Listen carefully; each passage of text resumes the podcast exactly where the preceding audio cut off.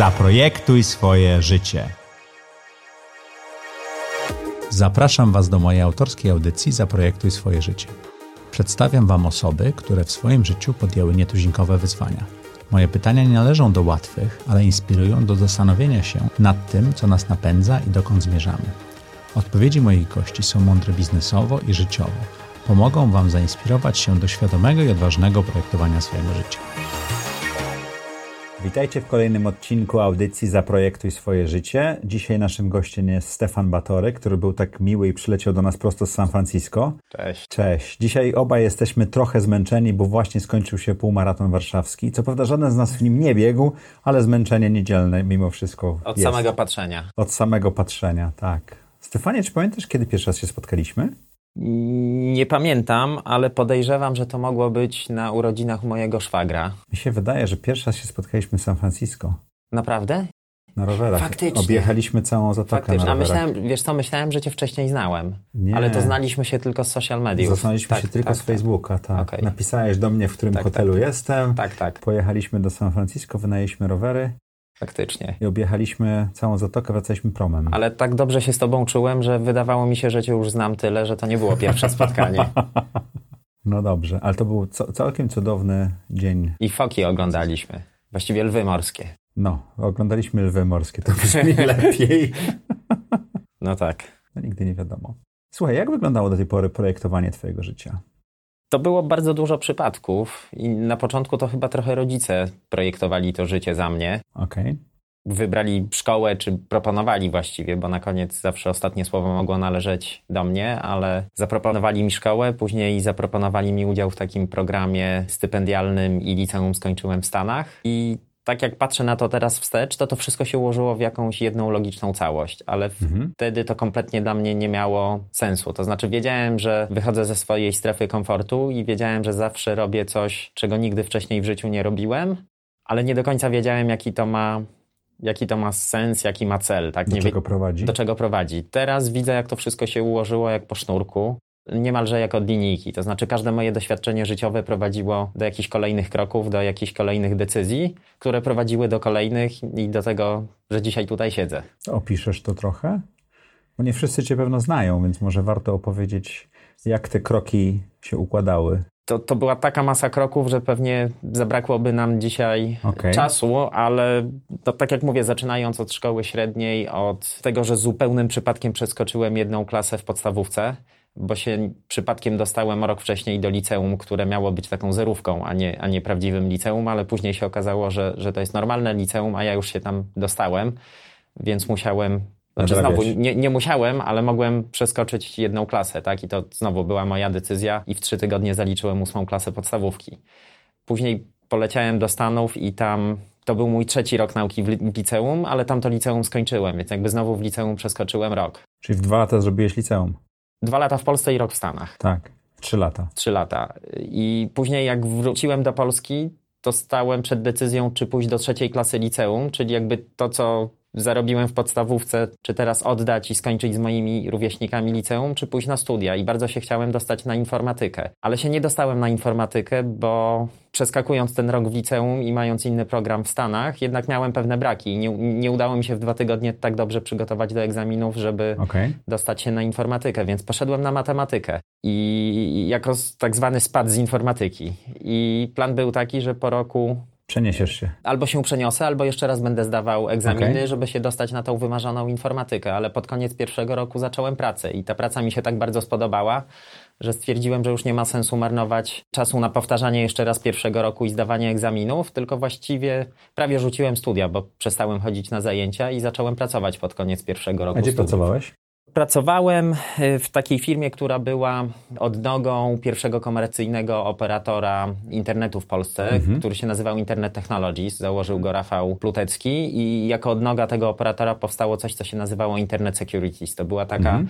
agencja informacyjna, taki dzisiaj można powiedzieć konkurent Reutersa, tylko Mhm. w odpowiedniej skali. No i spotkałem tam fantastycznych ludzi, tak dużo się uczyłem, że Więcej niż na studiach. Więcej niż na studiach. Wręcz sam fakt dostania się do tej pracy był śmieszny, bo moi koledzy z informatyki ze starszych roczników, jak zobaczyli ogłoszenie wiszące na korytarzu, to machnęli ręką, bo stwierdzili, że się tam nie dostaną, bo wymagali jakichś technologii, języków programowania, których nikt jeszcze wtedy nie znał, a ja y, usiadłem do komputera, poczytałem w internecie, co to jest, żeby pójść na interwiu i żeby mnie nie zaskoczyli jakimiś obco brzmiącymi trzyliterowymi, czteroliterowymi Czyli skrótami. takie typowe Silicon Valley fake it till you make it, tak?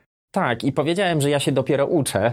Aha. Przy czym uczenie się polegało na tym, że, że Otworzyłeś książkę. otworzyłem książkę, no i przyjęli mnie do pracy. I później zacząłem się bardzo szybko uczyć. Okej.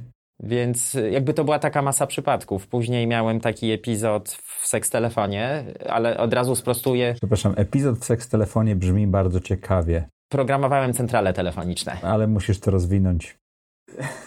Programowałem, programowałem centrale telefoniczne, Czyli AVR-a programowałeś, jak się drzewko jak się rozchodzi. drzewko, ale też digitalizowałem y, kasety, które między innymi Kasia Figura nagrywała i przysyłała i my to digitalizowaliśmy. I Na to, czym polega digitalizowanie kaset w linii pornograficznej, no, czy tam seks telefonicznej?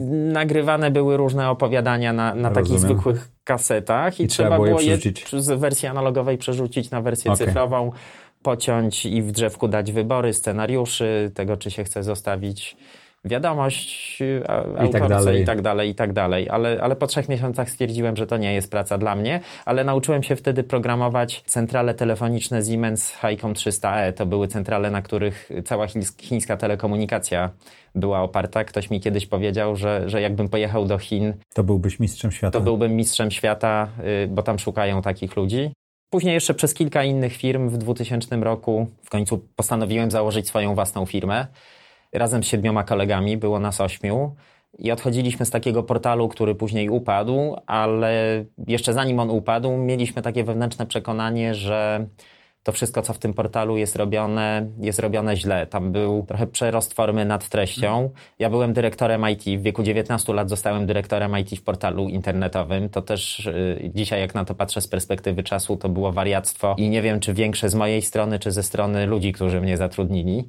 Tomek Raczek był dyrektorem redakcji i, i my w ośmioosobowym zespole zbudowaliśmy cały portal, a redakcja miała chyba 150 osób wtedy. Wow. I razem z programistami, z którymi budowaliśmy Jaki to był portal? Ahoj.pl Okej. nazywany odkurzacz.com, bo wysysał najlepszych dziennikarzy z TVN-u, z Radia Z, z Gazety To Wyborczej. miał być taką wielką rzeczą. Tak, to, to miała być i to przez chwilę chyba była wielka rzecz. I my bardzo wierzyliśmy wtedy w user-generated content. Wierzyliśmy w fora internetowe, w, w jakieś czaty, w webmaile. To, co jest w tej chwili, prawda? Tak, i wtedy podjęliśmy decyzję, że odejdziemy i zaczniemy robić coś samemu.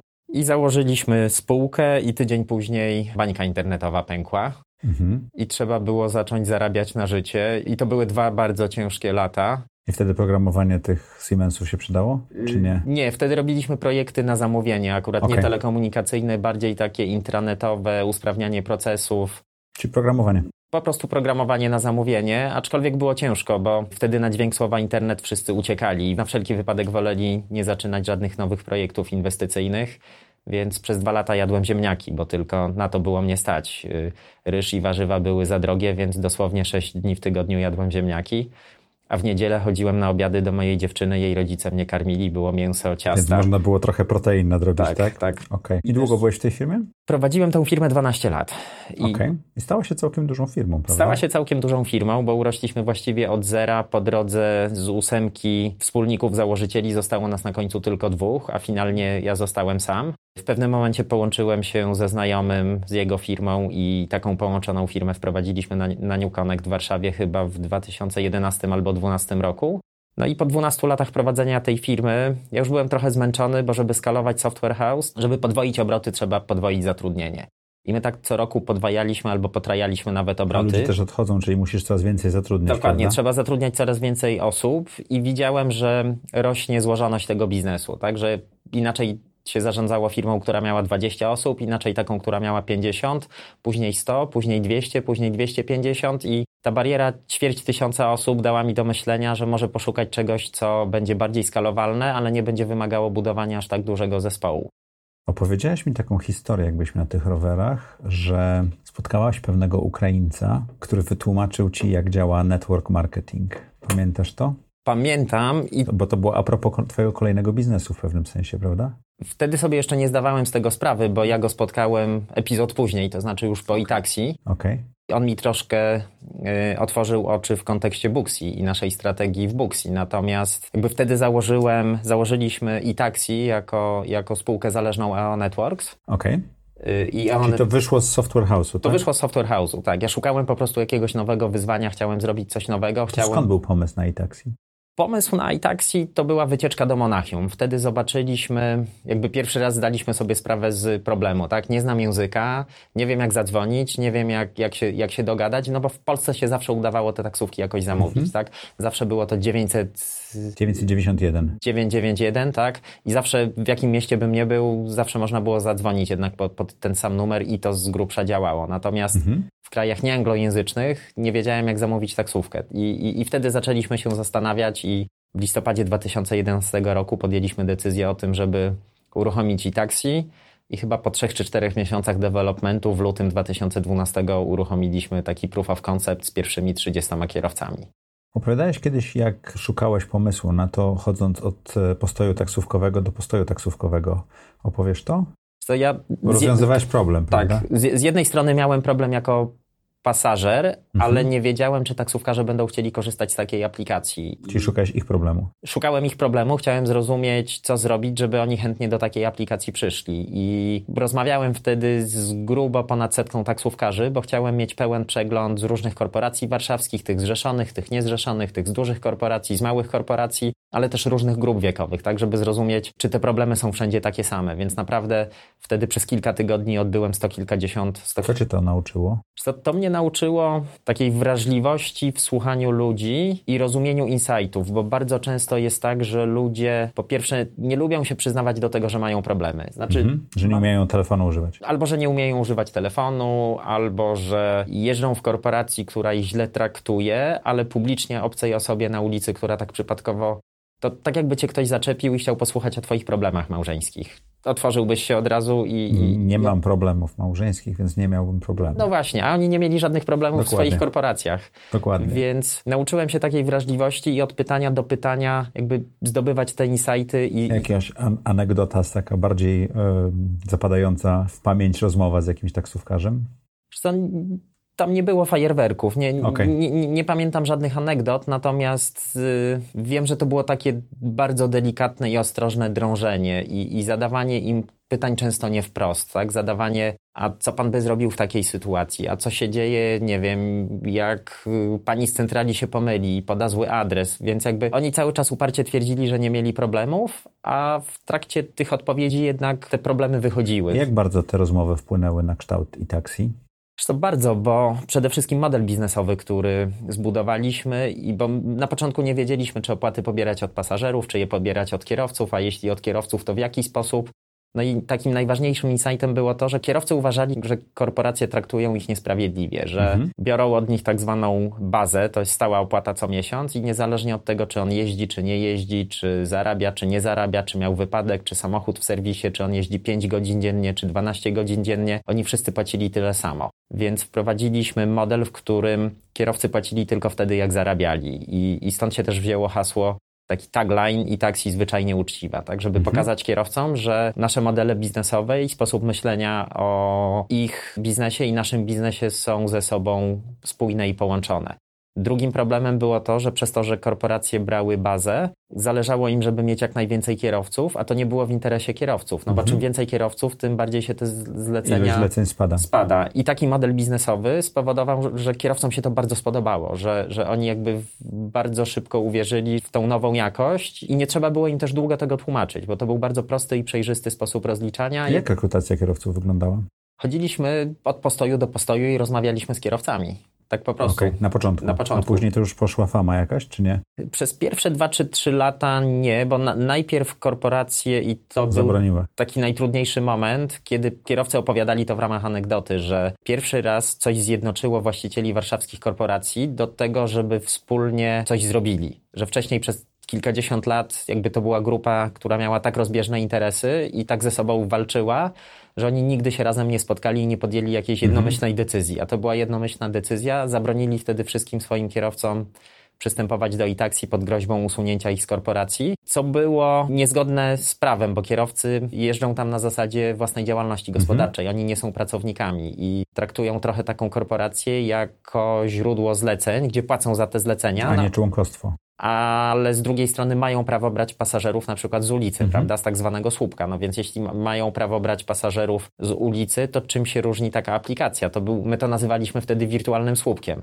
mhm. Y, żeby im wytłumaczyć i im i korporacjom, że, że to jest właściwie to samo, tak, że, że pasażer czeka na nich na ulicy, y, a my im wysyłamy tylko SMS-a z cynkiem, gdzie taki pasażer stoi i skąd go pobrać. Więc jak nam korporacje zabroniły, znaczy nie nam, jak korporacje zabroniły taksówkarzom dołączyć do e-taxi, to mieliśmy dwa bardzo trudne lata, bo z jednej strony pasażerom się podobał pomysł zamawiania w ten sposób. I nie było taksówek. Ale nie było taksówek. I, I to był taki wieczny problem jajka i kury. Tak? Jak tylko uruchomiliśmy jakąś akcję promocyjną, żeby były zlecenia to nie było taksówek, a z kolei jak nie było pasażerów, to kierowcy nie chcieli przychodzić, bo w korporacjach pomimo tego, że byli źle traktowani i te Więcej modele były nie fair, mieli na chleb, tak? Mhm. Wiedzieli, że u nas mogą być konfitury, no ale jak mieli ryzykować utratę chleba, to, to, yy, no to nie szli po te konfitury. Więc... Ile czasu zwijałeś i taksi? Ile lat? I taksi od, no, od końca 2011 do grudnia 2017 roku, tak. I to zaczęło się jako odnoga Software House'u, który tak. miałeś, a potem yy, zaprosiłeś inwestorów, prawda? Tak, to znaczy inwestorów mieliśmy jeszcze, jak i taksi było częścią EO Networks. Za, zanim, bo ja później odkupiłem udziały. EO Networks chcia, chciało zamknąć i taksi, mój wspólnik nie wierzył, że to się uda i, i chciał zamknąć. To? A ja wtedy wyciągnąłem, wyciągnąłem i taksi, tak powiedziałem, że jak nie wierzysz, to, to ja to chętnie odkupię i, i to był też mój moment odejścia z EO Networks. Czyli rozliczyliście się udziałami tak, między kot, dwoma koty za psy. Koty za psy. Tak. Jak takie negocjacje wyglądają? No, ja wyceniam te koty po pół miliona, to jeden pies za milion, za dwa koty po pół miliona. I to tak mniej więcej wyglądało? Tak. No to była dość przyjazna negocjacja, czy była trudna? Bo się znaliście bardzo długo, prawda? Co, to były to... dwie firmy, które się połączyły, ale znaliście się chyba. Znaliśmy się długo, znaliśmy się jeszcze z czasów studiów. Tam tak naprawdę doszło do jeszcze jednego trudnego dla mnie epizodu, bo wtedy mój wspólnik dążył do usunięcia mnie z EO Networks. Okay. On miał swoją wizję rozwoju spółki, ja miałem swoją. Ja chciałem pójść bardziej w stronę software'ów, w stronę usług jak nie i taksi, to, to szukać kolejnych takich pomysłów. Dalej rozwijać to, co jest. A tak? on po prostu chciał robić dalej to, co mhm. robił, a znał się na hardwareze, więc jakby on tą nogę hardware'ową ciągnął, ja tą nogę software'ową, usługową. No i, i, nie chciałem się już kopać z koniem. Byłem już tak zmęczony, że, że ten moment, kiedy, kiedy Błażej chciał zamknąć i taksi, to był chyba dobry moment dla mnie, żeby podjąć decyzję, że Czyli się... zabrałeś i taksi, zorganizowana część przedsiębiorstwa, nowa spółka, nowi inwestorzy? Nie nowi, wtedy jakby wtedy inwestorem już było Dirlango, okay. więc y, ja przejąłem udziały, czy odkupiłem udziały EO Networks, a Dirlango, Dirlango było w spółce już od kilku miesięcy. Okej. Okay. Jak szukałeś e, inwestora takim jak Dirlango? Nie szukałem, tak naprawdę. Sam ja, się ja, ja, się znałem z Łukaszem jeszcze z czasów, kiedy Aha. Łukasz był w Onecie, a ja robiłem projekty dla Onetu, bo EO Networks pracowało wtedy dla większości portali, dla, dla wielu firm ubezpieczeniowych, banków, operatorów telekomunikacyjnych i w Polsce, i w Niemczech i znaliśmy się stamtąd. Może nie jakoś bardzo dobrze, ale, ale a poszedłeś, zapiczowałeś ten Nie, projekt? nawet nie poszedłem. Spotkaliśmy się kiedyś na kawę po odejściu Łukasza z, z, Onetu? z Onetu. Spotkaliśmy się po prostu na kawę. Już nie pamiętam nawet, kto kogo zaprosił. I to było takie spotkanie na zasadzie, co u ciebie słychać, co u ciebie słychać. Tak? I wtedy powiedziałem Łukaszowi, że, że robię, robię taką aplikację, bo to było dosłownie tydzień przed uruchomieniem. Łukasz powiedział, następnego dnia chyba do mnie zadzwonił, czy napisał maila, że wiesz co, bardzo mi się podoba ten projekt, chciałbym w nim być. Więc dosłownie tydzień przed uruchomieniem Miałeś inwestora. miałem inwestora i na konferencji prasowej ogłosiliśmy, że uruchamiamy y, i taksi wspólnie. Wow. Więc czyli to ten, był czyli, do, bardzo czyli, dobry timing. Czyli posiadanie dobrego networku przed szukaniem inwestora tak. jest bardzo ważne, tak? No bo to się to samo na, wydarzyło, tak, tak, tak, bez spiczowania, bez deku, bez tego wszystkiego, tak. prawda?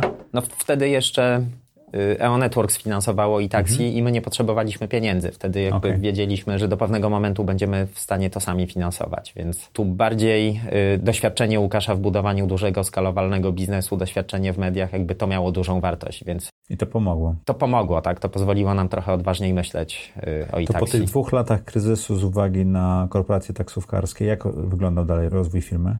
To była bardzo żmudna praca, bo to było dwa kroki w przód, krok w tył. Tak jak mówiłem, jakaś akcja na pozyskanie klientów, zabrakło taksówek, pozyskiwaliśmy taksówki, było mało zleceń, więc część klientów odchodziła, więc jakby to była taka walka ciągle o pasażerów, o kierowców, o pasażerów, o kierowców. Pozyskaliśmy 100 kierowców, 50 odeszło, bo było za mało zleceń. Pozyskaliśmy 100 pasażerów, 80 odeszło, bo było za mało taksówek. Typowe, typowe mm, wyzwania marketplace'u, prawda? Tak. To pytanie, czy są kupujący i sprzedający Dokładnie, i w którym tak. momencie ten balans jest. Dokładnie. I kiedy ten balans się wyrównuje? Ile trzeba, jak, jak, jak dużo taksówek trzeba mieć, albo jak dużo pasażerów trzeba mieć, żeby to zaczęło być w miarę stabilne? Czy to kiedykolwiek się stabilizuje? To się stabilizuje. Ja już nie znam tak dobrze liczb, bo dwóch lat nie jestem mhm. zaangażowany operacyjnie w Itaxi, ale wydaje mi się, że dopiero teraz mamy ten moment stabilności. Tak? Z tego co kojarzę, w Itaxi dzisiaj w samej Warszawie jest 1500 taksówkarzy i wow. to dopiero daje taki moment stabilności. Wow ale oni też są w MyTaxi, robią inne rzeczy, prawda? Bo to się w tej chwili tak, tak, tak to rozmywa, się... prawda? Mhm, tak. Natomiast zawsze są takie dni i godziny szczytu, czy jak spadnie deszcz, jak cała Warszawa stoi Że w korkach, to trochę niezależnie od tego, ile masz taksówek, to zawsze trzeba czekać, no bo jak wszyscy stoją w korku, to ta taksówka tak, ja nie jest wtedy używam czterech aplikacji, a na koniec jadę y, hulajnogą, tak? Albo któraś przypadkiem jest obok ciebie, tak? tak? I teraz czym więcej jest tych samochodów we flocie, tym większe jest prawdopodobieństwo, że to się wydarzy, że to się wydarzy albo że któraś właśnie będzie kończyła kurs w miejscu, gdzie ty chcesz wsiadać. To co się stało? Rozwijasz firmę, rośnie, jest to twoje dziecko w pewnym sensie i nagle masz nowy pomysł? Ten nowy pomysł jakby nie wykiełkował tak nagle. Właściwie w pierwszym roku, jak mieliśmy poważne problemy z brakiem i kierowców i pasażerów, zacząłem się zastanawiać, bo wtedy zacząłem dostrzegać siłę marketplace'ów i efektu sieciowego. Mhm. Pomimo tego, że jeszcze tego nie było czuć w Itaxi, trochę o tym poczytałem, trochę porozmawiałem z ludźmi, pouczyłem się. Klasyczny w Polsce przykład Allegro czy Pracuj.pl. A może wytłumaczysz w dwóch zdaniach, co to jest efekt sieciowy, bo efekt nie sieciowy, wszyscy, którzy nas oglądają, mogą wiedzieć. Najprościej o tym myśleć w ten sposób, że efekt sieciowy jest wtedy, kiedy wraz ze wzrostem sieci rośnie jej wartość dla jej użytkowników, tak? Czyli w przypadku Facebooka czy komunikatorów, czym więcej jest użytkowników, tym większą wartość ma sieć dla wszystkich jej uczestników, tak? Czym więcej jest osób, z którymi mogę rozmawiać, tym lepsze to jest narzędzie, no bo I jeśli... Facebook i WhatsApp są takimi przykładami, nie? Tak, no bo jeśli w sieci byłoby, nie wiem, pięciu użytkowników, do których mogę przez WhatsAppa napisać, tak, a, a mam kilkuset znajomych, no to ta wartość WhatsAppa jest praktycznie on jest bezużyteczny, tak? Natomiast jeśli większość albo wszyscy moi znajomi korzystają z WhatsAppa, to wartość tego narzędzia, wartość całej sieci rośnie. Jakim był ten Ukrainiec? Już do tego przechodzę. Natomiast w przypadku marketplace'ów to są z kolei sieci dwustronne się chyba na polski najlepiej tłumaczy, czyli mamy tą część popytową i podażową. I dwubiegunowe może. Dwubiegunowe, może tak, to jest chyba lepsze tłumaczenie. Two-sided tak. networks. I tutaj oczywiście dla taksówkarza wartość sieci rośnie wtedy, kiedy jest więcej pasażerów, a dla pasażerów wartość sieci rośnie wtedy, kiedy jest więcej taksówkarzy. I ja się kiedyś spotkałem z Janem Kołumem, założycielem WhatsAppa, jeszcze kiedy był niezależny i prowadził, prowadził sam firmę. Mieliśmy wspólnego znajomego, który z nim pracował w Yahoo i jak przymierzaliśmy się z Konradem Howardem, moim wspólnikiem, z którym Booksy założyliśmy do uruchomienia Booksy, byliśmy na konferencji w Redwood City w Dolinie Krzemowej. Mhm. Wtedy pojechaliśmy na spotkanie z Janem. Spędziliśmy tam chyba 3 albo 4 godziny. Jan się spóźnił, bardzo nas przepraszał. Był, był taki naprawdę bardzo, jak mówią y, Amerykanie, down to earth, bardzo skromny, normalny. taki bardzo normalny człowiek. To biuro było zaskakująco małe, tam siedziało kilkunastu użytkowników. Ja nawet nie wiedziałem jeszcze wtedy, co to jest WhatsApp. Dopiero jak mówiłem się na spotkanie z Janem... Sprawdziłeś? Sprawdziłem, co to jest WhatsApp i wtedy sobie zdałem sprawę z tego... Jeszcze wtedy WhatsApp kosztował dolara chyba za rok, prawda? Tak, ale, ale wtedy do mnie dotarło, jak dużą firmę zbudował Jan, bo on już tam miał setki milionów użytkowników. Mhm. I zadałem mu pytanie, Jan, jak robiłeś marketing? Jak ci się udało zdobyć y, kilkaset milionów użytkowników? On powiedział, to jest bardzo proste, ja nie wydałem ani dolara na marketing. Po prostu każdy kolejny użytkownik, który dołączał do WhatsAppa, przyniósł mi pięciu kolejnych i tych pięciu przyniosło mi każdy z nich pięciu Network kolejnych. marketing. Dokładnie. I to był network effect, tak? Czym więcej było użytkowników, tym większa wartość tej sieci i tym chętniej dołączali do niej kolejni i to nam wtedy dało bardzo dużo do myślenia, jak ten network effect wykorzystać w Booksy. I, i robiąc Booksy, my od początku wbudowaliśmy jakby w serce produktu, w nasz model biznesowy, w całą logikę działania też network effect, tylko w trochę inny sposób, bo mamy tą sieć nie monogamiczną, tak, nie jednolitą, tak jak WhatsApp, tylko mamy dwubiegunową. dwubiegunową i tam jakby już nie wchodząc w niuanse, troszeczkę inaczej trzeba było to I wymyśleć. Booksy jest marketplacem dla y, salonów usługowych. Zaczęło się od salonów fryzjerskich, prawda? Od salonów fryzjerskich, y, salonów manicured, ale też naszym pierwszym y, klientem czy pierwszym użytkownikiem był fizjoterapeuta Michał Dachowski. Okay.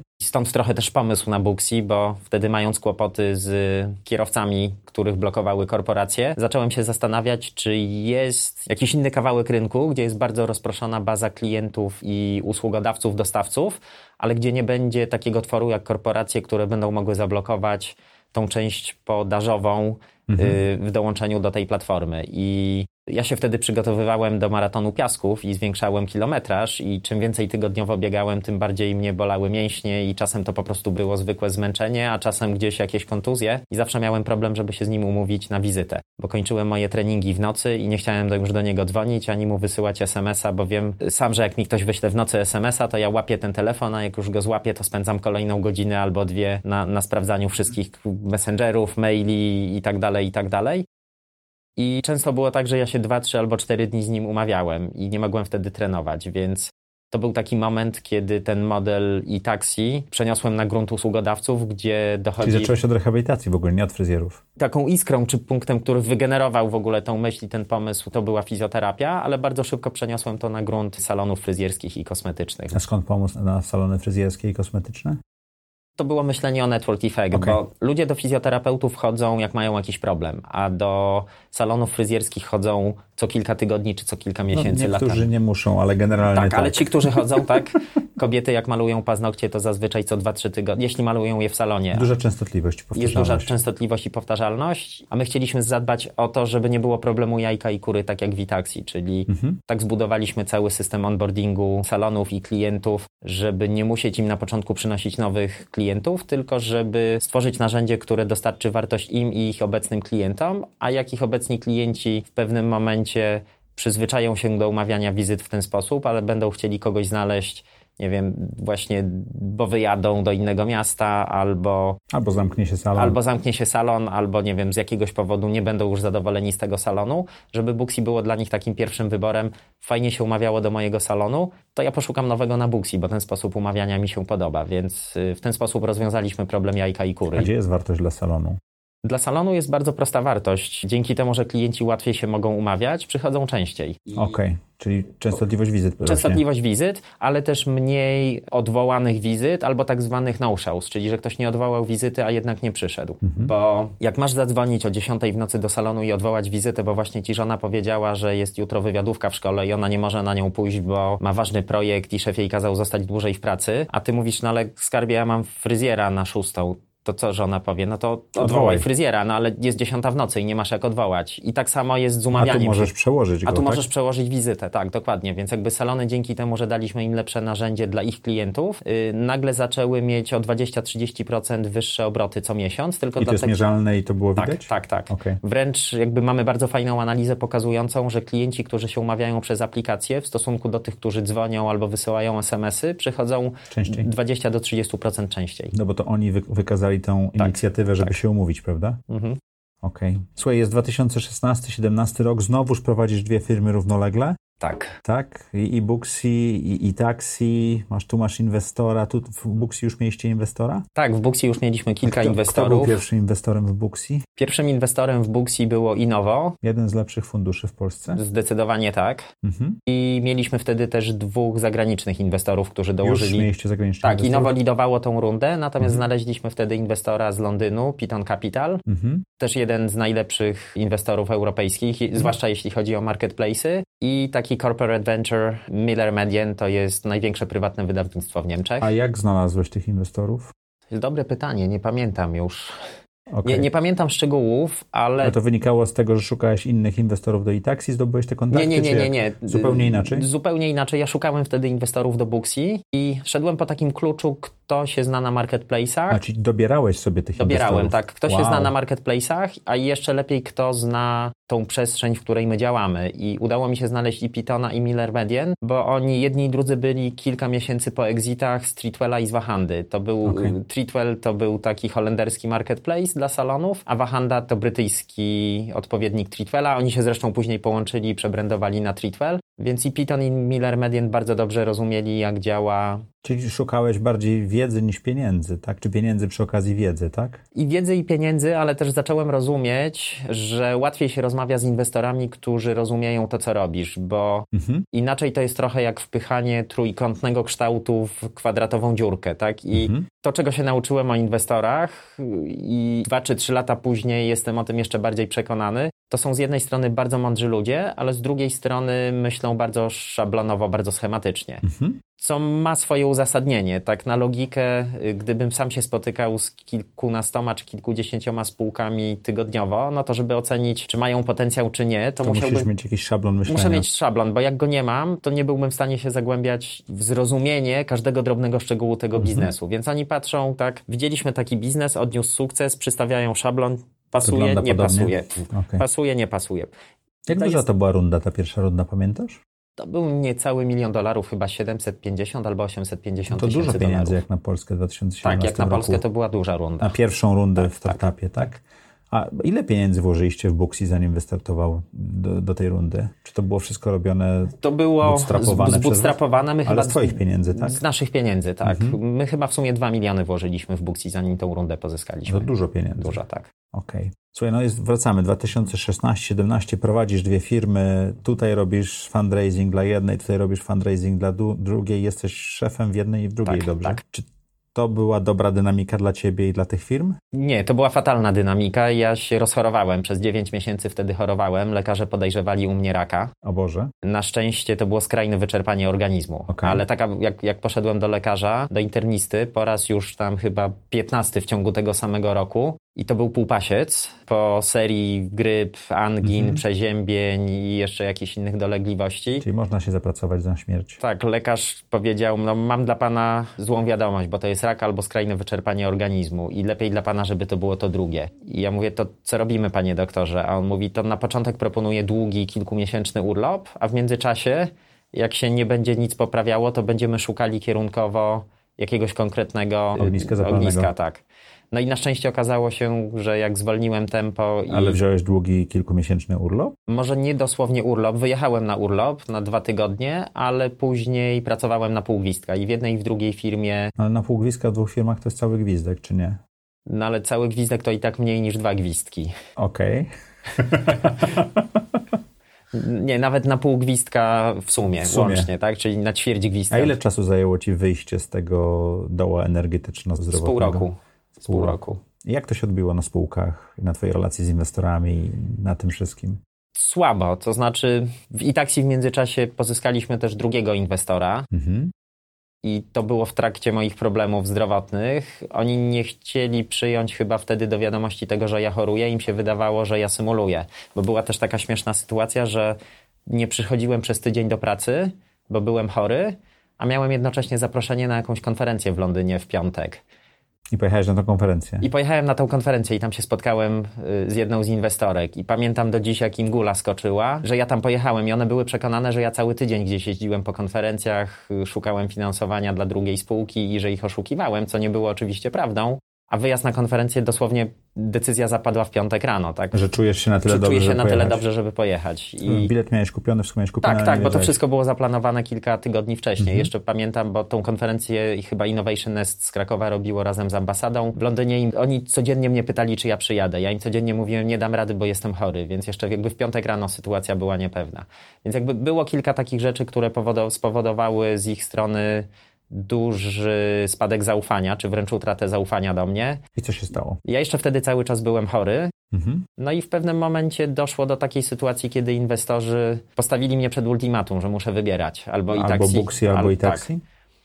To jest trochę tak, jakby ci ktoś kazał wybierać między dwójką dzieci, które bardziej kochasz. Ja nie patrzyłem nawet na to pod kątem potencjału i, i tego, która z firm ile jest albo może być warta tylko jedynym czynnikiem, który spowodowało tej decyzji było to, gdzie mi się lepiej z inwestorami współpracuje. Gdzie... Czyli wybrałeś swoją nową rodzinę w pewnym sensie. Tak, tak. To tak jakbyś, ciepła, miał, tak? tak jakbyś miał wybrać, z którym dzieckiem i którą matką tego dziecka zostaniesz jako ojciec. Czy ciebie coś, coś to kosztowało emocjonalnie, finansowo ten wybór? Tak, i w jednym i w drugim wymiarze. Musiałem oddać część udziałów, pomimo w tego, że...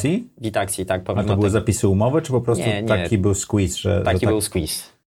Trudne negocjacje, tak? A czemu się na to zgodziłeś? Dla świętego spokoju. Czyli miałeś nieracjonalną, emocjonalną decyzję? Wiesz co, byłem chory, byłem słaby, byłem zmęczony i byłem szantażowany. I jak oceniasz tą swoją decyzję po trzech latach, tak? Że to była jedna z najlepszych decyzji, jaką wtedy podjąłem. Okay. W, takiej sytuacji, w takim układzie, w toksycznym układzie, ja bym się jeszcze... Ale jesteś ciągle udziałowcem i taksi, prawda? Jestem, tak, jestem ciągle udziałowcem. Ale pasywnym. Tak, ale pasywnym i, i myślę, że mi się relacje z inwestorami teraz też poprawiły. No bo nie ma nic, niko, tak. nikt nikomu do tak. udowodnienia, tak. nic i masz jakąś wiedzę, którą możesz też e, tak. wrócić. Słuchaj, przeprowadziłeś się do San Francisco całą rodziną, żeby rozwijać firmę. Rozmawialiśmy o tym, nie wiem, 4 lata temu mówię, że tak byś chciał zrobić, to tak wyglądało trochę jak e, e, marzenie, a ty je zrealizowałeś po prostu. Tak. To z bardzo praktycznego czy prozaicznego powodu, bo byłem już zmęczony lataniem. Okej. Okay bo w 2018 roku przez pierwsze 6 miesięcy ja spędzałem dwa tygodnie w Stanach, tydzień, dwa tygodnie w Polsce, dwa tygodnie w Stanach, tydzień w Polsce. I po sześciu miesiącach takiego latania, spania w hotelach, żywienia się w hotelach, w restauracjach hotelowych i lotniskowych, przytyłem kilka kilogramów. Byłem permanentnie zmęczony bo i niedospany, bo ciągłe jetlagi. I moja rodzina bardzo się nie chciała przeprowadzić, ale to było... Jakich przekonałeś? To zadałem im bardzo proste pytanie, ale jednocześnie bardzo trudne, bo ja byłem zmęczony fizycznie i wiedziałem, że jeszcze przez kilka lat tak będę musiał latać. Powiedziałem im, nie wiem, czy to zajmie mi dwa lata, czy trzy, muszę tam zbudować team, muszę tam zdobyć finansowanie i ustabilizować tą firmę, bo jak firma szybko rośnie, to tak dużo się zmienia, że ja muszę tam być. Natomiast jak kiedyś firma się ustabilizuje i będzie już dużo spokojniej rosła, to będę mógł nią dalej zarządzać z Polski. I teraz, czy wyobrażacie sobie, że damy radę jako rodzina, tak? Czy... Czyli ty będziesz mieszkał w Stanach, a oni tutaj, tak? Albo, że będę latał, a oni okay. widzieli, jak to latanie po pół roku, mhm. ile mnie kosztowało, nie tylko fizycznie, ale nas wszystkich też emocjonalnie, bo tak naprawdę... No, ojciec jest, ojca nie ma, tak? Ojciec jest, ojca nie ma, a nawet jak przylatywał, to przez to, że go nie było przez dwa tygodnie, to tutaj w firmie wszyscy się chcieli ze mną spotkać, więc i tak wracałem bardzo późno. I jeszcze był jetlag i później w weekendy to odsypiałem, więc tak naprawdę to pół roku... Czyli ojca nie było. Tak, dało, dało nam wszystkim w kość i to był tak zwany no-brainer dla nich. Powiedzieli to spakujmy się, pojedźmy tam na rok, dwa, zobaczymy jak to będzie. No i spakowali. A jak załatwiłeś wizy i tą całą, bo to jest duża otoczka, żeby przeprowadzić się do Stanów. To, to jest duża otoczka, bo my tą decyzję podjęliśmy chyba w czerwcu, czy na przełomie maja i czerwca.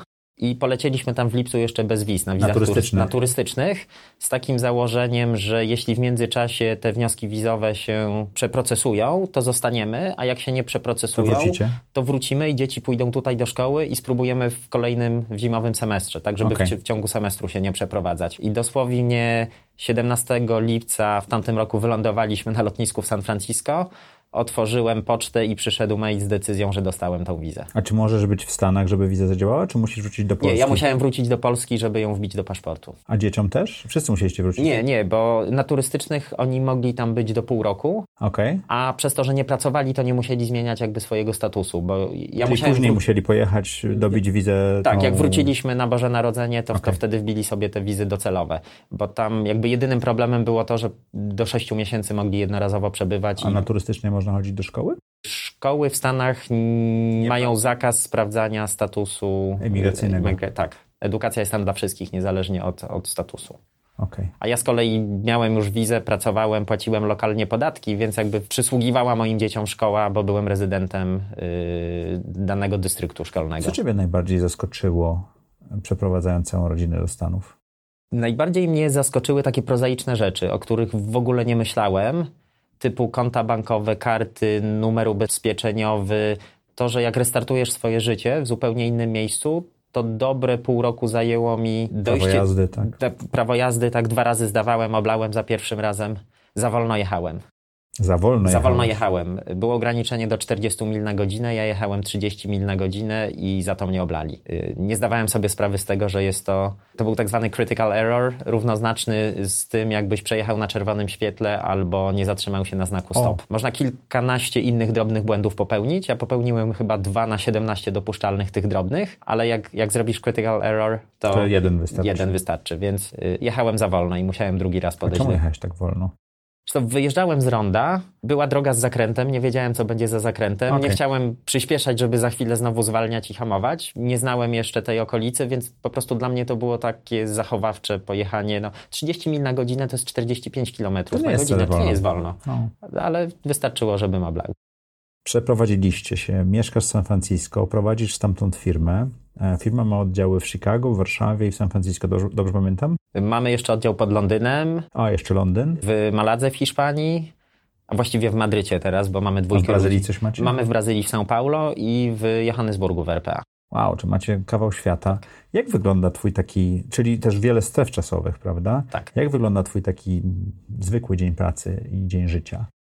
Nie wiem, czy mogę powiedzieć, że mam typowy dzień, bo dużo eksperymentowałem przez te ostatnie 9 miesięcy. Najpierw jeździ, bo ja mieszkam pod San Francisco w Palo Alto i dojeżdżam około godziny dziennie do pracy, czasem mhm. dłużej.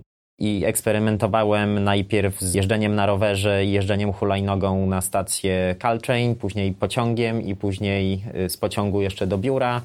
Y, eksperymentowałem Uberem, eksperymentowałem z własnym samochodem i wszystkie te rozwiązania miały wady i zalety. Jakby jednym z podstawowych wyzwań, jakie tam mam, to, że jest 9 godzin różnicy w strefie czasowej, więc ja jak wstawałem, żeby o 6 czy o 7 zacząć y, telekonferencję z moim zespołem w Polsce. To oni kończyli dzień pracy. To oni kończyli dzień pracy, więc gdzieś do 10, 11 rozmawiałem z nimi przez telefon i wtedy jechałem na Caltrain i jak dojeżdżałem do biura w San Francisco, to już było, nie wiem, między 12 a 1. I ja tak naprawdę spędzałem tylko 4-5 godzin z tym zespołem na miejscu, więc to było nieefektywne, ale z drugiej strony w pociągu mogłem przynajmniej czytać maile z całego dnia. Mhm. Ale finalnie zdecydowałem się na to, żeby jeździć samochodem, że zaczynam te telekonferencje o 7 rano, o 8, o 8 wsiadam do samochodu i je kontynuuję. Y, to też wymagało testowania, którą autostradą tam jeździć. I mhm. optymalizowałem się już nie tylko na czas dojazdu, ale też. Na czas długości konferencji? Nie, na zasięg, bo były takie miejsca po prostu, gdzie zanikał zasięg i nie mogłem. Stanach na autostradach zanika zasięg. zanika. Są takie miejsca. Wiesz, nie, nie ma ich dużo, ale, ale są. jak ci na dwie minuty zaniknie i później znowu na dwie, wiesz, ja już. Musisz się wbijać. Y, na 101 i 280 dokładnie wiem, gdzie są dziury i dokładnie wiem, jak zaplanować którego dnia trasę, w zależności od tego, gdzie i o której zaczynam albo kończę kolejne telekonferencje. Więc przynajmniej tutaj mam takie płynne przejście i jestem w stanie robić te konferencje w domu, w samochodzie, pierwszą czy drugą godzinę w biurze i później już jestem w biurze dla tego amerykańskiego zespołu dostępny od 10-11. Do której pracujesz? Zazwyczaj do 5.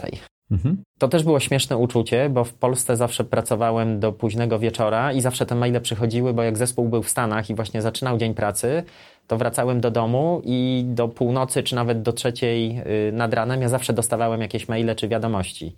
Natomiast jak teraz mieszkam w San Francisco i to jest najbardziej wysunięty na zachód oddział, to właściwie o piątej um, umilkają wszystkie maile, bo już mi nie ma ich kto wysyłać. Więc tak naprawdę mam taki hard stop. Ja nie muszę sobie robić tego hard stopu, tylko ten cały Poranek jest trudniejszy. Poranek jest trudniejszy, bo mam na dzień dobry 100, 100 kilkadziesiąt maili do przeczytania. A co robisz wieczorami?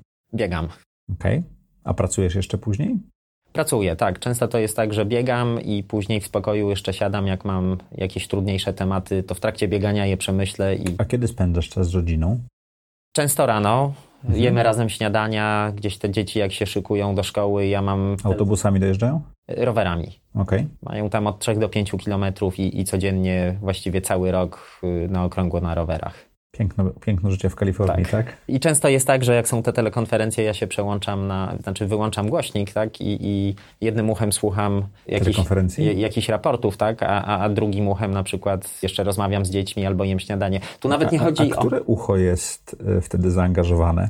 To mam dwie półkule i ta biznesowa słucha tej telekonferencji tak naprawdę przesadzam trochę mówiąc, że rozmawiam, ale po prostu emocjonalnie samo bycie z dziećmi i widzenie je i przytulenie ich i to, że potrzymam je za rękę, jak one, nie wiem, siedzą, jedzą śniadanie, czy, czy, czy ja też yy, zjem jakąś owsiankę czy tosta, po prostu jesteśmy wtedy razem. Jakby one... Bardzo wysoka cena za, za budowanie takiej firmy chyba, bo musisz być cały zaangażowany całym sobą, zespół Cię potrzebuje, jesteś liderem, więc jest Cię mniej dla rodziny. Dobrze to rozumiem? Tak. Jak sobie z tym radzisz emocjonalnie? Tak jak ci mówiłem, to było ciężkie, zwłaszcza jak latałem i dlatego się tam przeprowadziłem. jakieś rozwiązanie. I, I, mam teraz więcej czasu, więc ja, ja to traktuję okay. jako postęp okay. i jako drogę w dobrym kierunku. Też jak wracam, to zanim pójdę biegać, to też porozmawiamy, nie wiem, pół godziny do godziny jestem wtedy z dziećmi, jestem, jestem z rodziną. Czasem wieczorem wyjdziemy po prostu zjeść razem jakąś kolację, a czasem po prostu robimy ją w domu. Tak w weekendy dużo więcej czasu teraz też spędzam. To jest dużo lepsze niż jak latałeś tak, i byłeś tak. ciągle zmęczony. Bo jak latałem, to po pierwsze w weekendy odsypiałem, a po drugie często było tak, że y, żeby jak na tydzień czy na dwa tam leciałem, a z kolei lot to jest cały dzień stracony, no to byłem do piątku, tak? I wylatywałem dopiero w sobotę i do domu wracałem w niedzielę, więc wtedy tych weekendów... Tego weekendu z kolei nie było. Tak. Słuchaj, właśnie mówiliśmy o tym, o leadershipie i tak dalej. Jakim jesteś szefem? Bardzo wyrozumiałym. Okay. Bardzo jednocześnie mało wymagającym i bardzo dużo wymagającym. E, przepraszam, jak to działa? to sam, sam jeszcze nie do końca rozumiem, jak to działa, bo mi się wydaje, że, że jestem bardzo pobłażliwy, ale z drugiej strony ludzie mi mówią, że czują presję. Presję. Albo nawet jak nie czują presji, to nie chcą mnie zawieść. Ale czy to jest tak, że jesteś może pobłażliwy do small things, a dużą wizję bardzo mocno pchasz? Czy to o to chodzi, czy coś innego?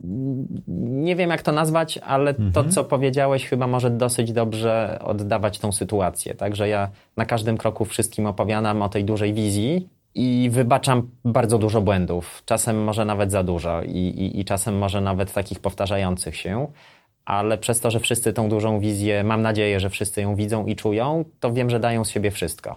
Więc jakby ta presja nie jest w taki aktywny sposób przeze mnie wytwarzana, ale chyba ta duża wizja powoduje, że oni chcą być jej częścią i... i... Czyli nie chodzi o KPI czy OKR-y, tylko bardziej o, o to, tak, co tak. budujemy, tak? Dokładnie. Um, rok temu, albo ciut, ciut więcej niż rok temu rozmawialiśmy i mówiłeś, chyba miałeś wtedy pierwszą konferencję międzynarodową w Polsce. Wszyscy zjechali tak. i opowiadałeś, jakim, mhm. jak rozmawiałeś z tymi ludźmi, jakie wrażenie to na tobie zrobiło.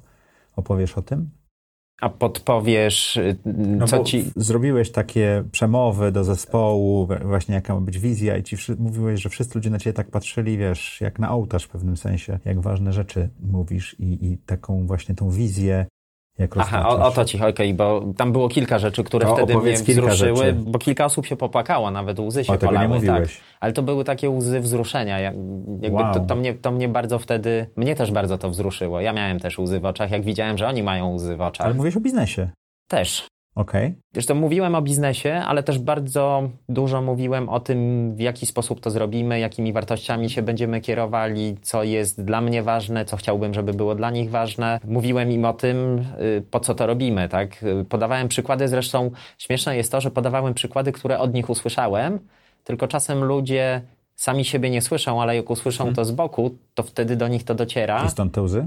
Między innymi też stąd te łzy, ale to, co jest najfajniejsze w budowaniu Booksy, to to, że my bardzo pomagamy tym właścicielom salonów. Oprócz tych wszystkich korzyści biznesowych, że klienci częściej przychodzą, że łatwiej im jest się odwołać albo przełożyć, a jak się ktoś w nocy o 10 w nocy odwoła. Dzisiaj słyszałem historię, y, taka dziewczyna się umawia do fizjoterapeuty i powiedziała mi, że ona ma, ma, ma małe dziecko, więc wstaje między 5 a 6 rano i poluje na zwolnione terminy, które w nocy ludzie odwołali. I mówi, jak się budzę o 5 rano, to jest jeszcze szansa, że na dziś albo na jutro jakiś termin się znajdzie, wow. bo ktoś odwołał. To w Stanach? Nie, tutaj w Polsce, w Polsce tak. Okay. Dzisiaj w Polsce mi opowiadała znajoma. Wow. I oprócz tych wszystkich korzyści biznesowych, nie ma dnia, żebyśmy nie dostawali, czy to w NPS-ach, czy w mailach, czy w jakichś innych, y, nie wiem, raportach, czy takim feedbacku, jak rozmawiamy z tymi naszymi klientami. Kilkunastu, czasem kilkudziesięciu yy, takich wzruszających maili, wiadomości, jak bardzo się zmieniło ich życie. Tu mi ktoś napisał, że dzięki Booksy on w końcu ma czas, żeby zadbać o swoje zdrowie i jeść lunch, bo jak kiedyś nie było Booksy, to on w trakcie przerwy lunchowej, którą miał w grafiku pracy, musiał odzwaniać do ludzi, którzy do niego dzwonili, odpisywać na SMS-y, odpisywać na maile. Ktoś inny powiedział. Automatyzacja pracy w salonie zwolniła czas, tak? Tak, tak. Ktoś inny, ktoś inny mi dziękował za to, że małżeństwo mu uratowaliśmy, bo już y, był gotów. Właściwie to nie klient, tylko mąż, mąż klientki, mąż właścicielki salonu y, napisał maila i dziękował, że uratowaliśmy mu małżeństwo. Że żona nigdy nie miała dla niego czasu, bo zawsze była zajęta odpisywaniem y, na maile i SMS-y klientek i odzwanianiem do nich. Ktoś inny powiedział, że zdał sobie sprawę z tego, y, jak bardzo potrzebuje Booksy, jak był na zakupach świątecznych i zadzwoniła klientka, to była właścicielka salonu z mężem i z dwójką dzieci i powiedziała, y, kochanie, ja za dwie minuty do was wrócę, tylko odbiorę ten jeden telefon. I wróciła po dwóch godzinach, bo jak wzięła do ręki ten telefon, to zobaczyła jeszcze pięć innych nieodebranych połączeń, 10 SMS-ów i 15 maili i wiadomości. A Buxi to wszystko załatwia. A Buxi to wszystko za nich załatwia, więc to co, to, co motywuje wszystkich, to te pozytywne informacje, te pozytywne wiadomości, które dostajemy od Czyli właścicieli. oni odzyskują czas, biznes rośnie 20%, tak. klienci chyba są bardziej zadowoleni, tak? Tak. tak. A co z klientami, którzy nie chcą się przez Booksy umawiać? Mogą zawsze zadzwonić. A salony nie odmawiają tym klientom, nie? Wiesz, to są takie, które zaczęły odmawiać. Są takie, o. które stwierdziły, w inny sposób nie umawiamy, nie odbieramy już więcej telefonów. W Polsce czy w Stanach? I w Polsce i w Stanach. To są może niewielki odsetek, okay. to jest, nie wiem, kilka, może kilkanaście procent, ale są takie salony, które mają 100% wizyt umawianych już tylko przez Booksy. Średnio w Stanach 70% wizyt jest umawianych przez Booksy, 30% jeszcze przez telefon. przez telefon, ale to jest średnia, gdzie mamy też bardzo duże, świeże kohorty tych salonów. Jak popatrzysz na starsze kohorty, to, to ta średnia, zmienia. to się zmienia, ta średnia jest dużo lepsza. W Polsce to jest w tej chwili 40 kilka, niecałe 50%. Czyli adopcja w Stanach jest dużo większa. Adopcja jest dużo szybsza, tak. Czemu? Wydaje mi się, że Amerykanie są bardziej otwarci na eksperymenty, na testy, y, bardziej ufni po prostu. Też więcej apek od Google'a jest, które tak, to robią tak. i tak dalej, więc są przyzwyczajeni. Słuchaj, jaką najlepszą decyzję podjąłeś do tej pory w życiu? To każda ostatnia mi się wydaje najlepszą. to jaką ostatnio najlepszą decyzję podjąłeś w życiu? Tydzień temu zdałem sobie sprawę z tego, że przeprowadzka do Stanów i nie mówię teraz nawet o firmie, tylko o rodzinie? moich dzieciach, o rodzinie, mhm. tak. Po tym, co widzę, czego się dzieci tam uczą w szkole i jak mi opowiadają o tej szkole, jak mi córka powiedziała, że w Polsce ona chodziła do szkoły, bo musiała, bo, bo taki był wymóg, bo my jej kazaliśmy, bo to jest obowiązek prawny. Chce? A teraz chce. Powiedziała mi, że są takie dni, oczywiście nie, nie codziennie i nie każda lekcja, ale mówi, y, ja tu tato z radością często chodzę na lekcje, czasem jest tak, że się nie mogę doczekać, żeby pójść do tej szkoły.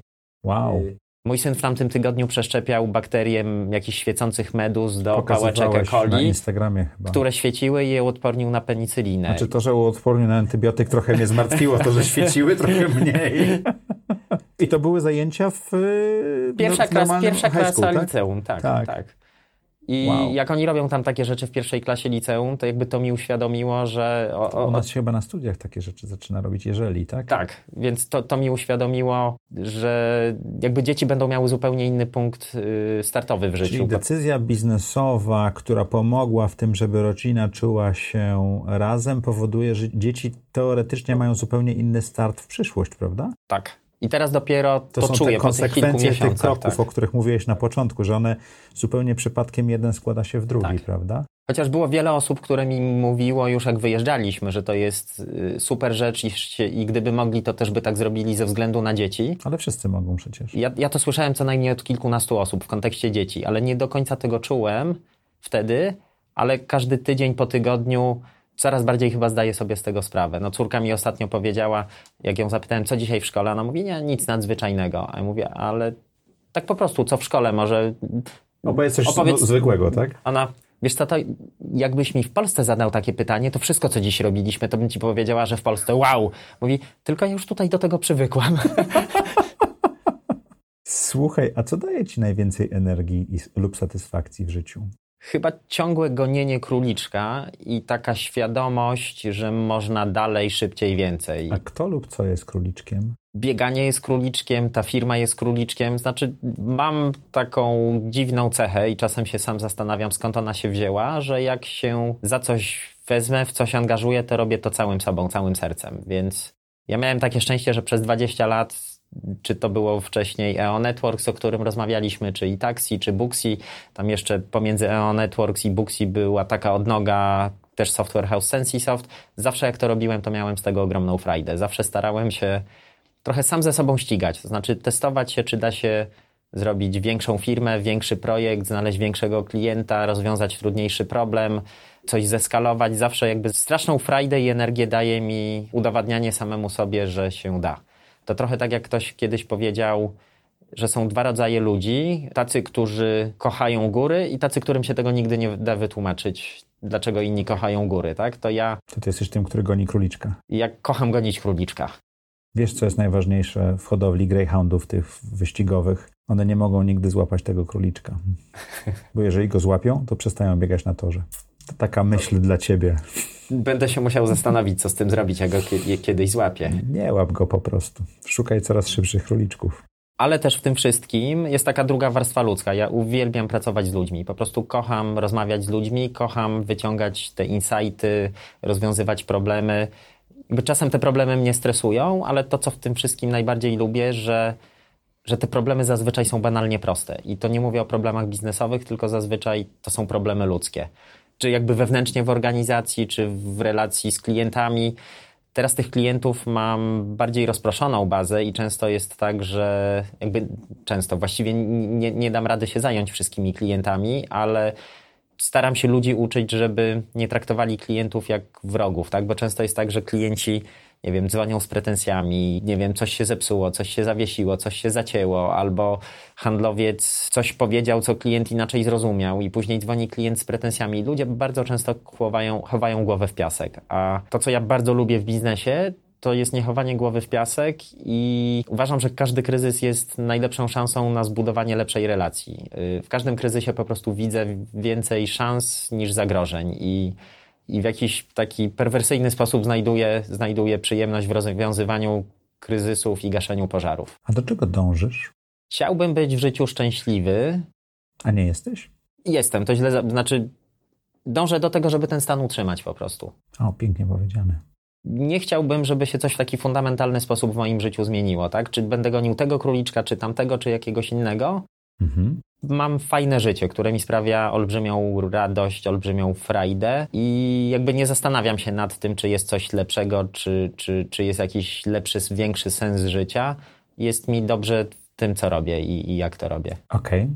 Czego się teraz uczysz? Cały czas pracy z ludźmi, bo tak jak z jednej strony powiedziałem Ci, że lubię rozwiązywać problemy, to w organizacji, która już zatrudnia ponad 250 osób, tych problemów jest tak dużo, że uczę się w taki bardzo gdzieś systematyczny sposób nimi zająć, no bo nie jestem już w stanie każdego jednego osobiście rozwiązać bardziej, że są w wielu biurach. zagasić.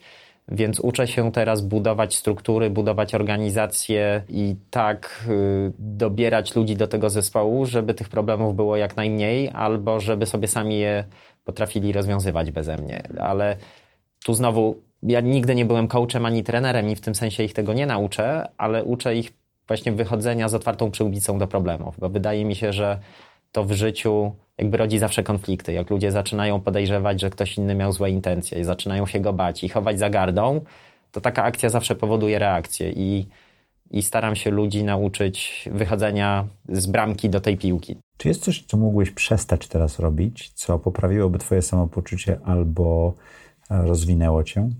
To jest dokładnie to, nad czym ty pracujesz. Jak słuchałem y, twojego wywiadu z Marcinem Beme i opowiadałeś o tym, że zaczynasz ludziom odmawiać i coraz mniej się spotykać. Próbuję. Próbujesz, tak? To, to, to jest dokładnie ten moment w moim życiu, kiedy ja też sobie zdałem z tego sprawę kilka miesięcy temu. I teraz jak przyleciałem do Polski dosłownie na trzy dni robocze, weekend i konferencja w poniedziałek i we wtorek z samego rana wylatuję, więc w te trzy dni miałem tak dużo spotkań, że musiałem bardzo wielu osobom odmówić. Bardzo dziękujemy, że tu jesteś. I... Nagrywamy w niedzielę, bo to był jedyny termin, kiedy dało się Stefana dorwać. I uczę się, jak to zrobić, bo no po takich trzech dniach jestem bardzo zmęczony. Znaczy, z jednej strony, tak jak ci powiedziałem, spotkań? intensywnością spotkań. Tak? Ja nie miałem, nie miałem czasu nawet jeść. Był taki jeden dzień, gdzie nic nie zjadłem. Po prostu rano wstałem, nie zdążyłem zjeść śniadania, bo pierwsze spotkanie było o siódmej. Wróciłem do domu o dziesiątej. Ja wypiłem chyba dwie czy trzy herbaty i jakąś bułkę jedną zjadłem. Złapałem po prostu w piekarni przechodząc obok i, i to był mój cały dzień. I, no i muszę sobie poradzić z tym, żeby żeby częściej odmawiać. Ale bo pewnie kilku... że masz wyciszony telefon. Telefon mam wyciszony, ale maile dalej sprawdzam. Maile przychodzą, czy wiadomości przychodzą. Natomiast udało mi się przynajmniej y, odłączyć takie impulsywne sprawdzanie, jak przychodzą jakieś wiadomości, SMS-y, to, to już nie sięgam do kieszeni za każdym razem, jak coś piknie czy plumknie, tak? bo, bo ten telefon mi już przestał. Czyli możesz się skupić na tym, co robisz, tak? tak? Działa to dość dobrze. To prawda, działa bardzo dobrze.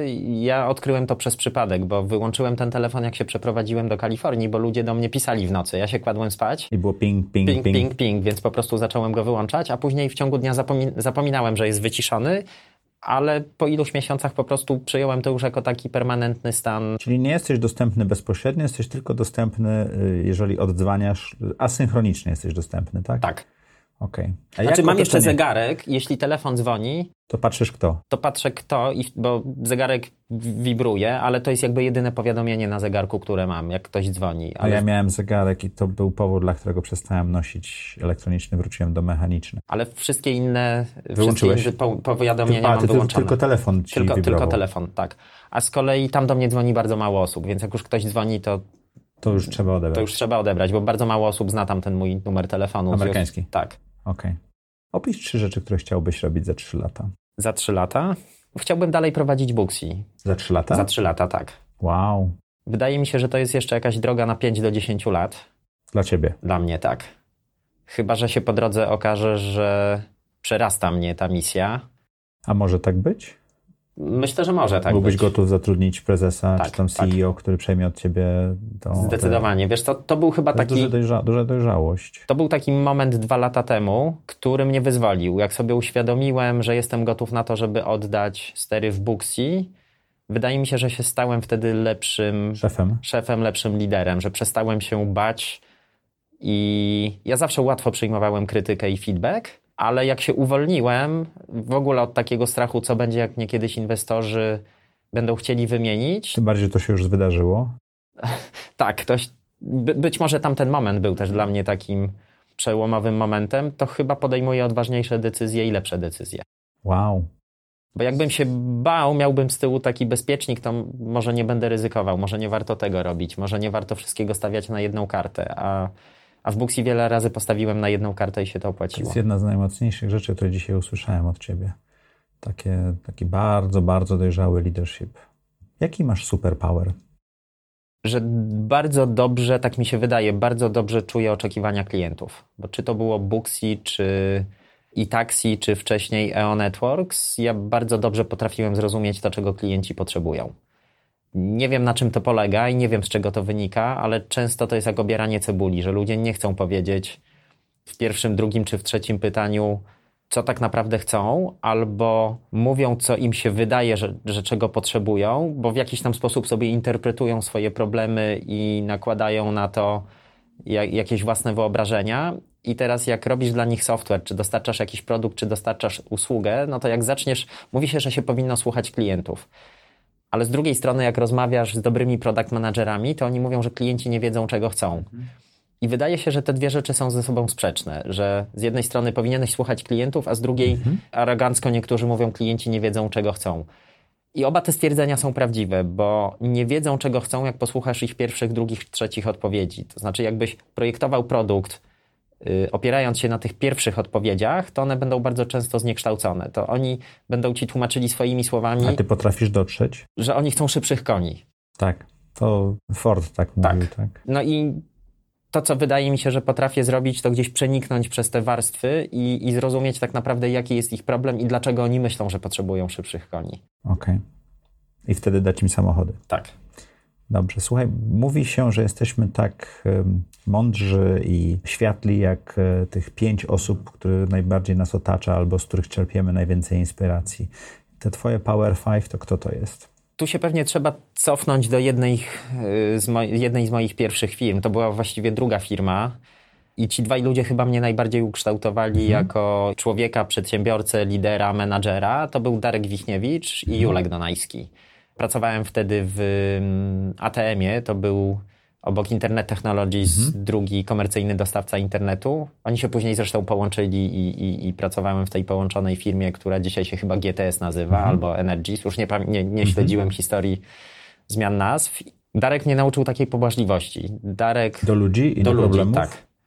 Y, I takiego świętego spokoju w rozwiązywaniu problemów. Ja chyba mhm. raz w życiu przez 20 lat krzyknąłem w firmie i powiedziałem, kurwa. Okay. A drugą osobą był Julek Danajski, który był moim bezpośrednim szefem. I Julek mnie z kolei nau nauczył słuchać ludzi i wydobywać spod tych warstw y, cebuli to, o co, o co chodzi tak naprawdę. Okej. Okay. I to, to mamy by... dwa, a do pięciu jeszcze trzy? Do pięciu. Na pewno Michał Rokosz i Tomek Swieboda z Inowo. Ostatnie dwa czy trzy lata jestem pod niesamowitym wrażeniem ich sposobu Michał myślenia. nawet pracował przez jakiś tak, czas Michał, w Booksy. Michał był CEO w Booksy Mhm. i nauczyłem się od niego niesamowicie, niesamowicie dużo.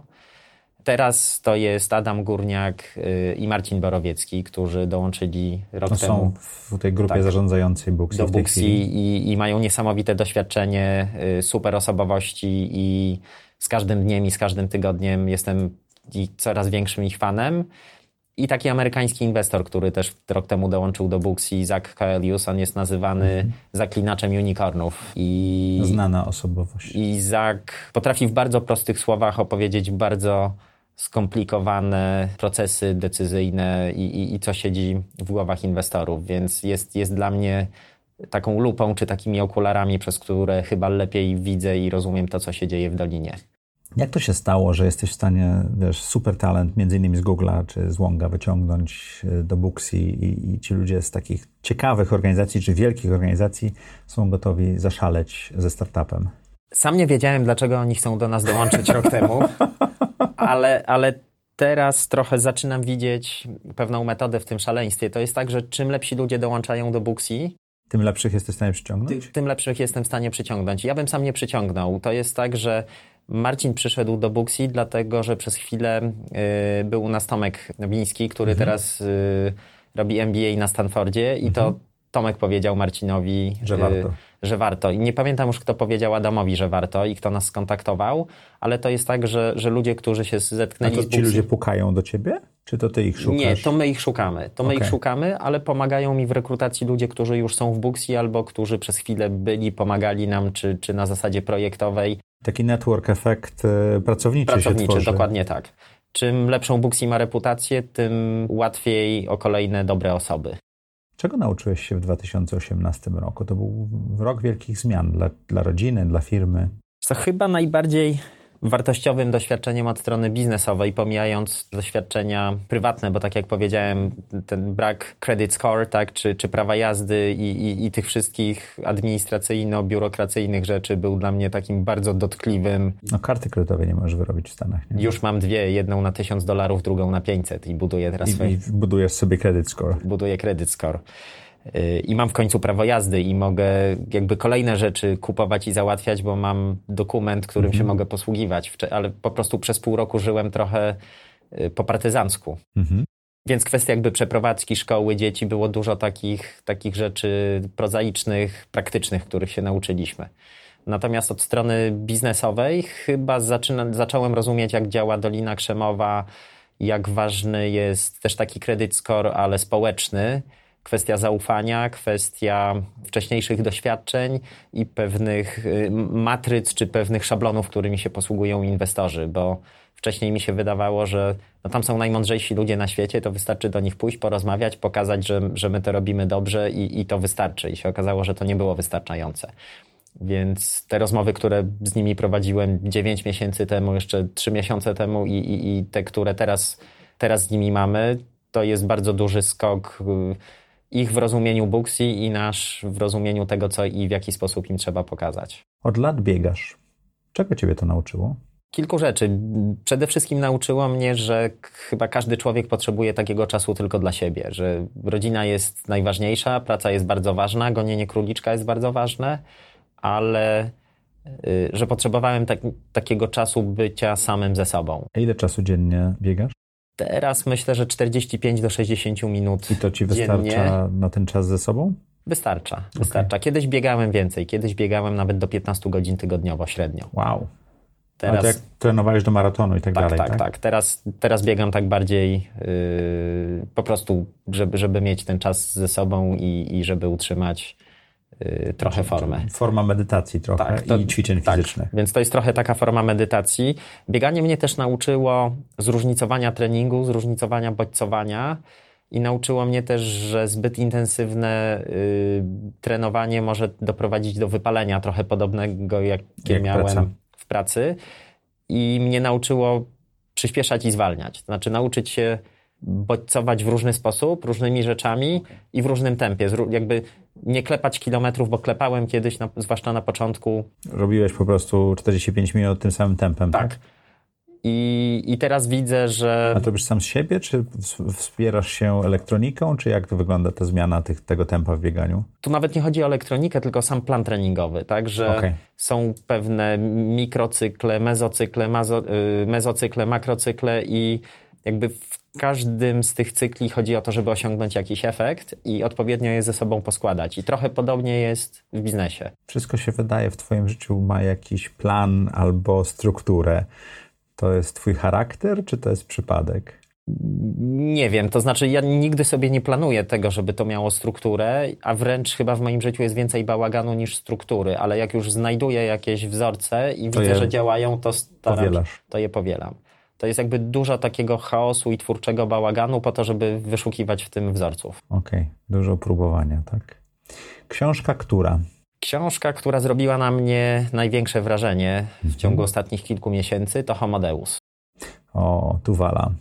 Co zrobiło w tobie w tej książce największe wrażenie? To, że trochę lepiej zaczynam rozumieć ludzkie emocje okay. i swoje własne emocje. Trochę mnie przeraziła, co nas może czekać w przyszłości. Co raczej nawet nas czeka, bo to takie pra, tak, pra, tak, prawdopodobne, ten, tak. ten, futuryzm jest dość prawdopodobny. Tak. I, no i dała mi dużo do myślenia. Okay. Nie wiem jeszcze, co z tym zrobić. Jeszcze jej nie przetrawiłem. Jeszcze cały czas do niej w głowie wracam i jeszcze chcę kilka razy niektóre rozdziały przesłuchać. No, polecam 21 lekcji na XXI wiek. To jest kolejna jego pozycja. Trochę się powtarza, ale też ma trochę... Ciekawe, że nawet nawiązania do Polski są w książce, więc warto... W tej też były. E, też, tak. Też, też warto się nad tym zastanowić. Słuchaj, co chciałbyś, żeby nasi słuchacze i widzowie zapamiętali z tej rozmowy? Wydaje mi się, że każdy, mam nadzieję, że każdy sobie wybierze jakąś, nie wiem, jedną cegiełkę. Ja nie jestem zwolennikiem takich uniwersalnych prawd czy, czy szablonów. Mhm. I każdy jest na innym etapie w życiu, ale mam nadzieję, że jeśli będzie jedna jakaś wartościowa rzecz, którą ktoś, kto, kto nas wysłucha po tej rozmowie, z tego wyniesie, to ja będę zadowolony i będę miał takie poczucie, że warto było tu przyjść i ten czas y, dzisiaj spędzić. Dziękuję Ci ślicznie. Słuchajcie, opiszcie tą cegiełkę, o której mówi Stefan w komentarzach. To będziemy mogli rozwinąć, może zaprosić go ponownie. A jak zwykle co czwartek o czwartej zapraszamy Was na audycję Zaprojektuj swoje życie na YouTubie, Spotify'u, iTunesie i wszędzie indziej, gdzie się zreplikujemy. Bardzo Ci dziękuję za rozmowę, bardzo inspirująca. Warto było spędzić niedzielę z Tobą. I mam nadzieję, że może nam, nam się uda z San Francisco, gdzieś w jakimś niesamowitym miejscu nagrać kolejny odcinek. To ja już szukam miejscówki i Dobrze. zapraszam. A ja zbieram pieniądze dla mnie i dla ekipy.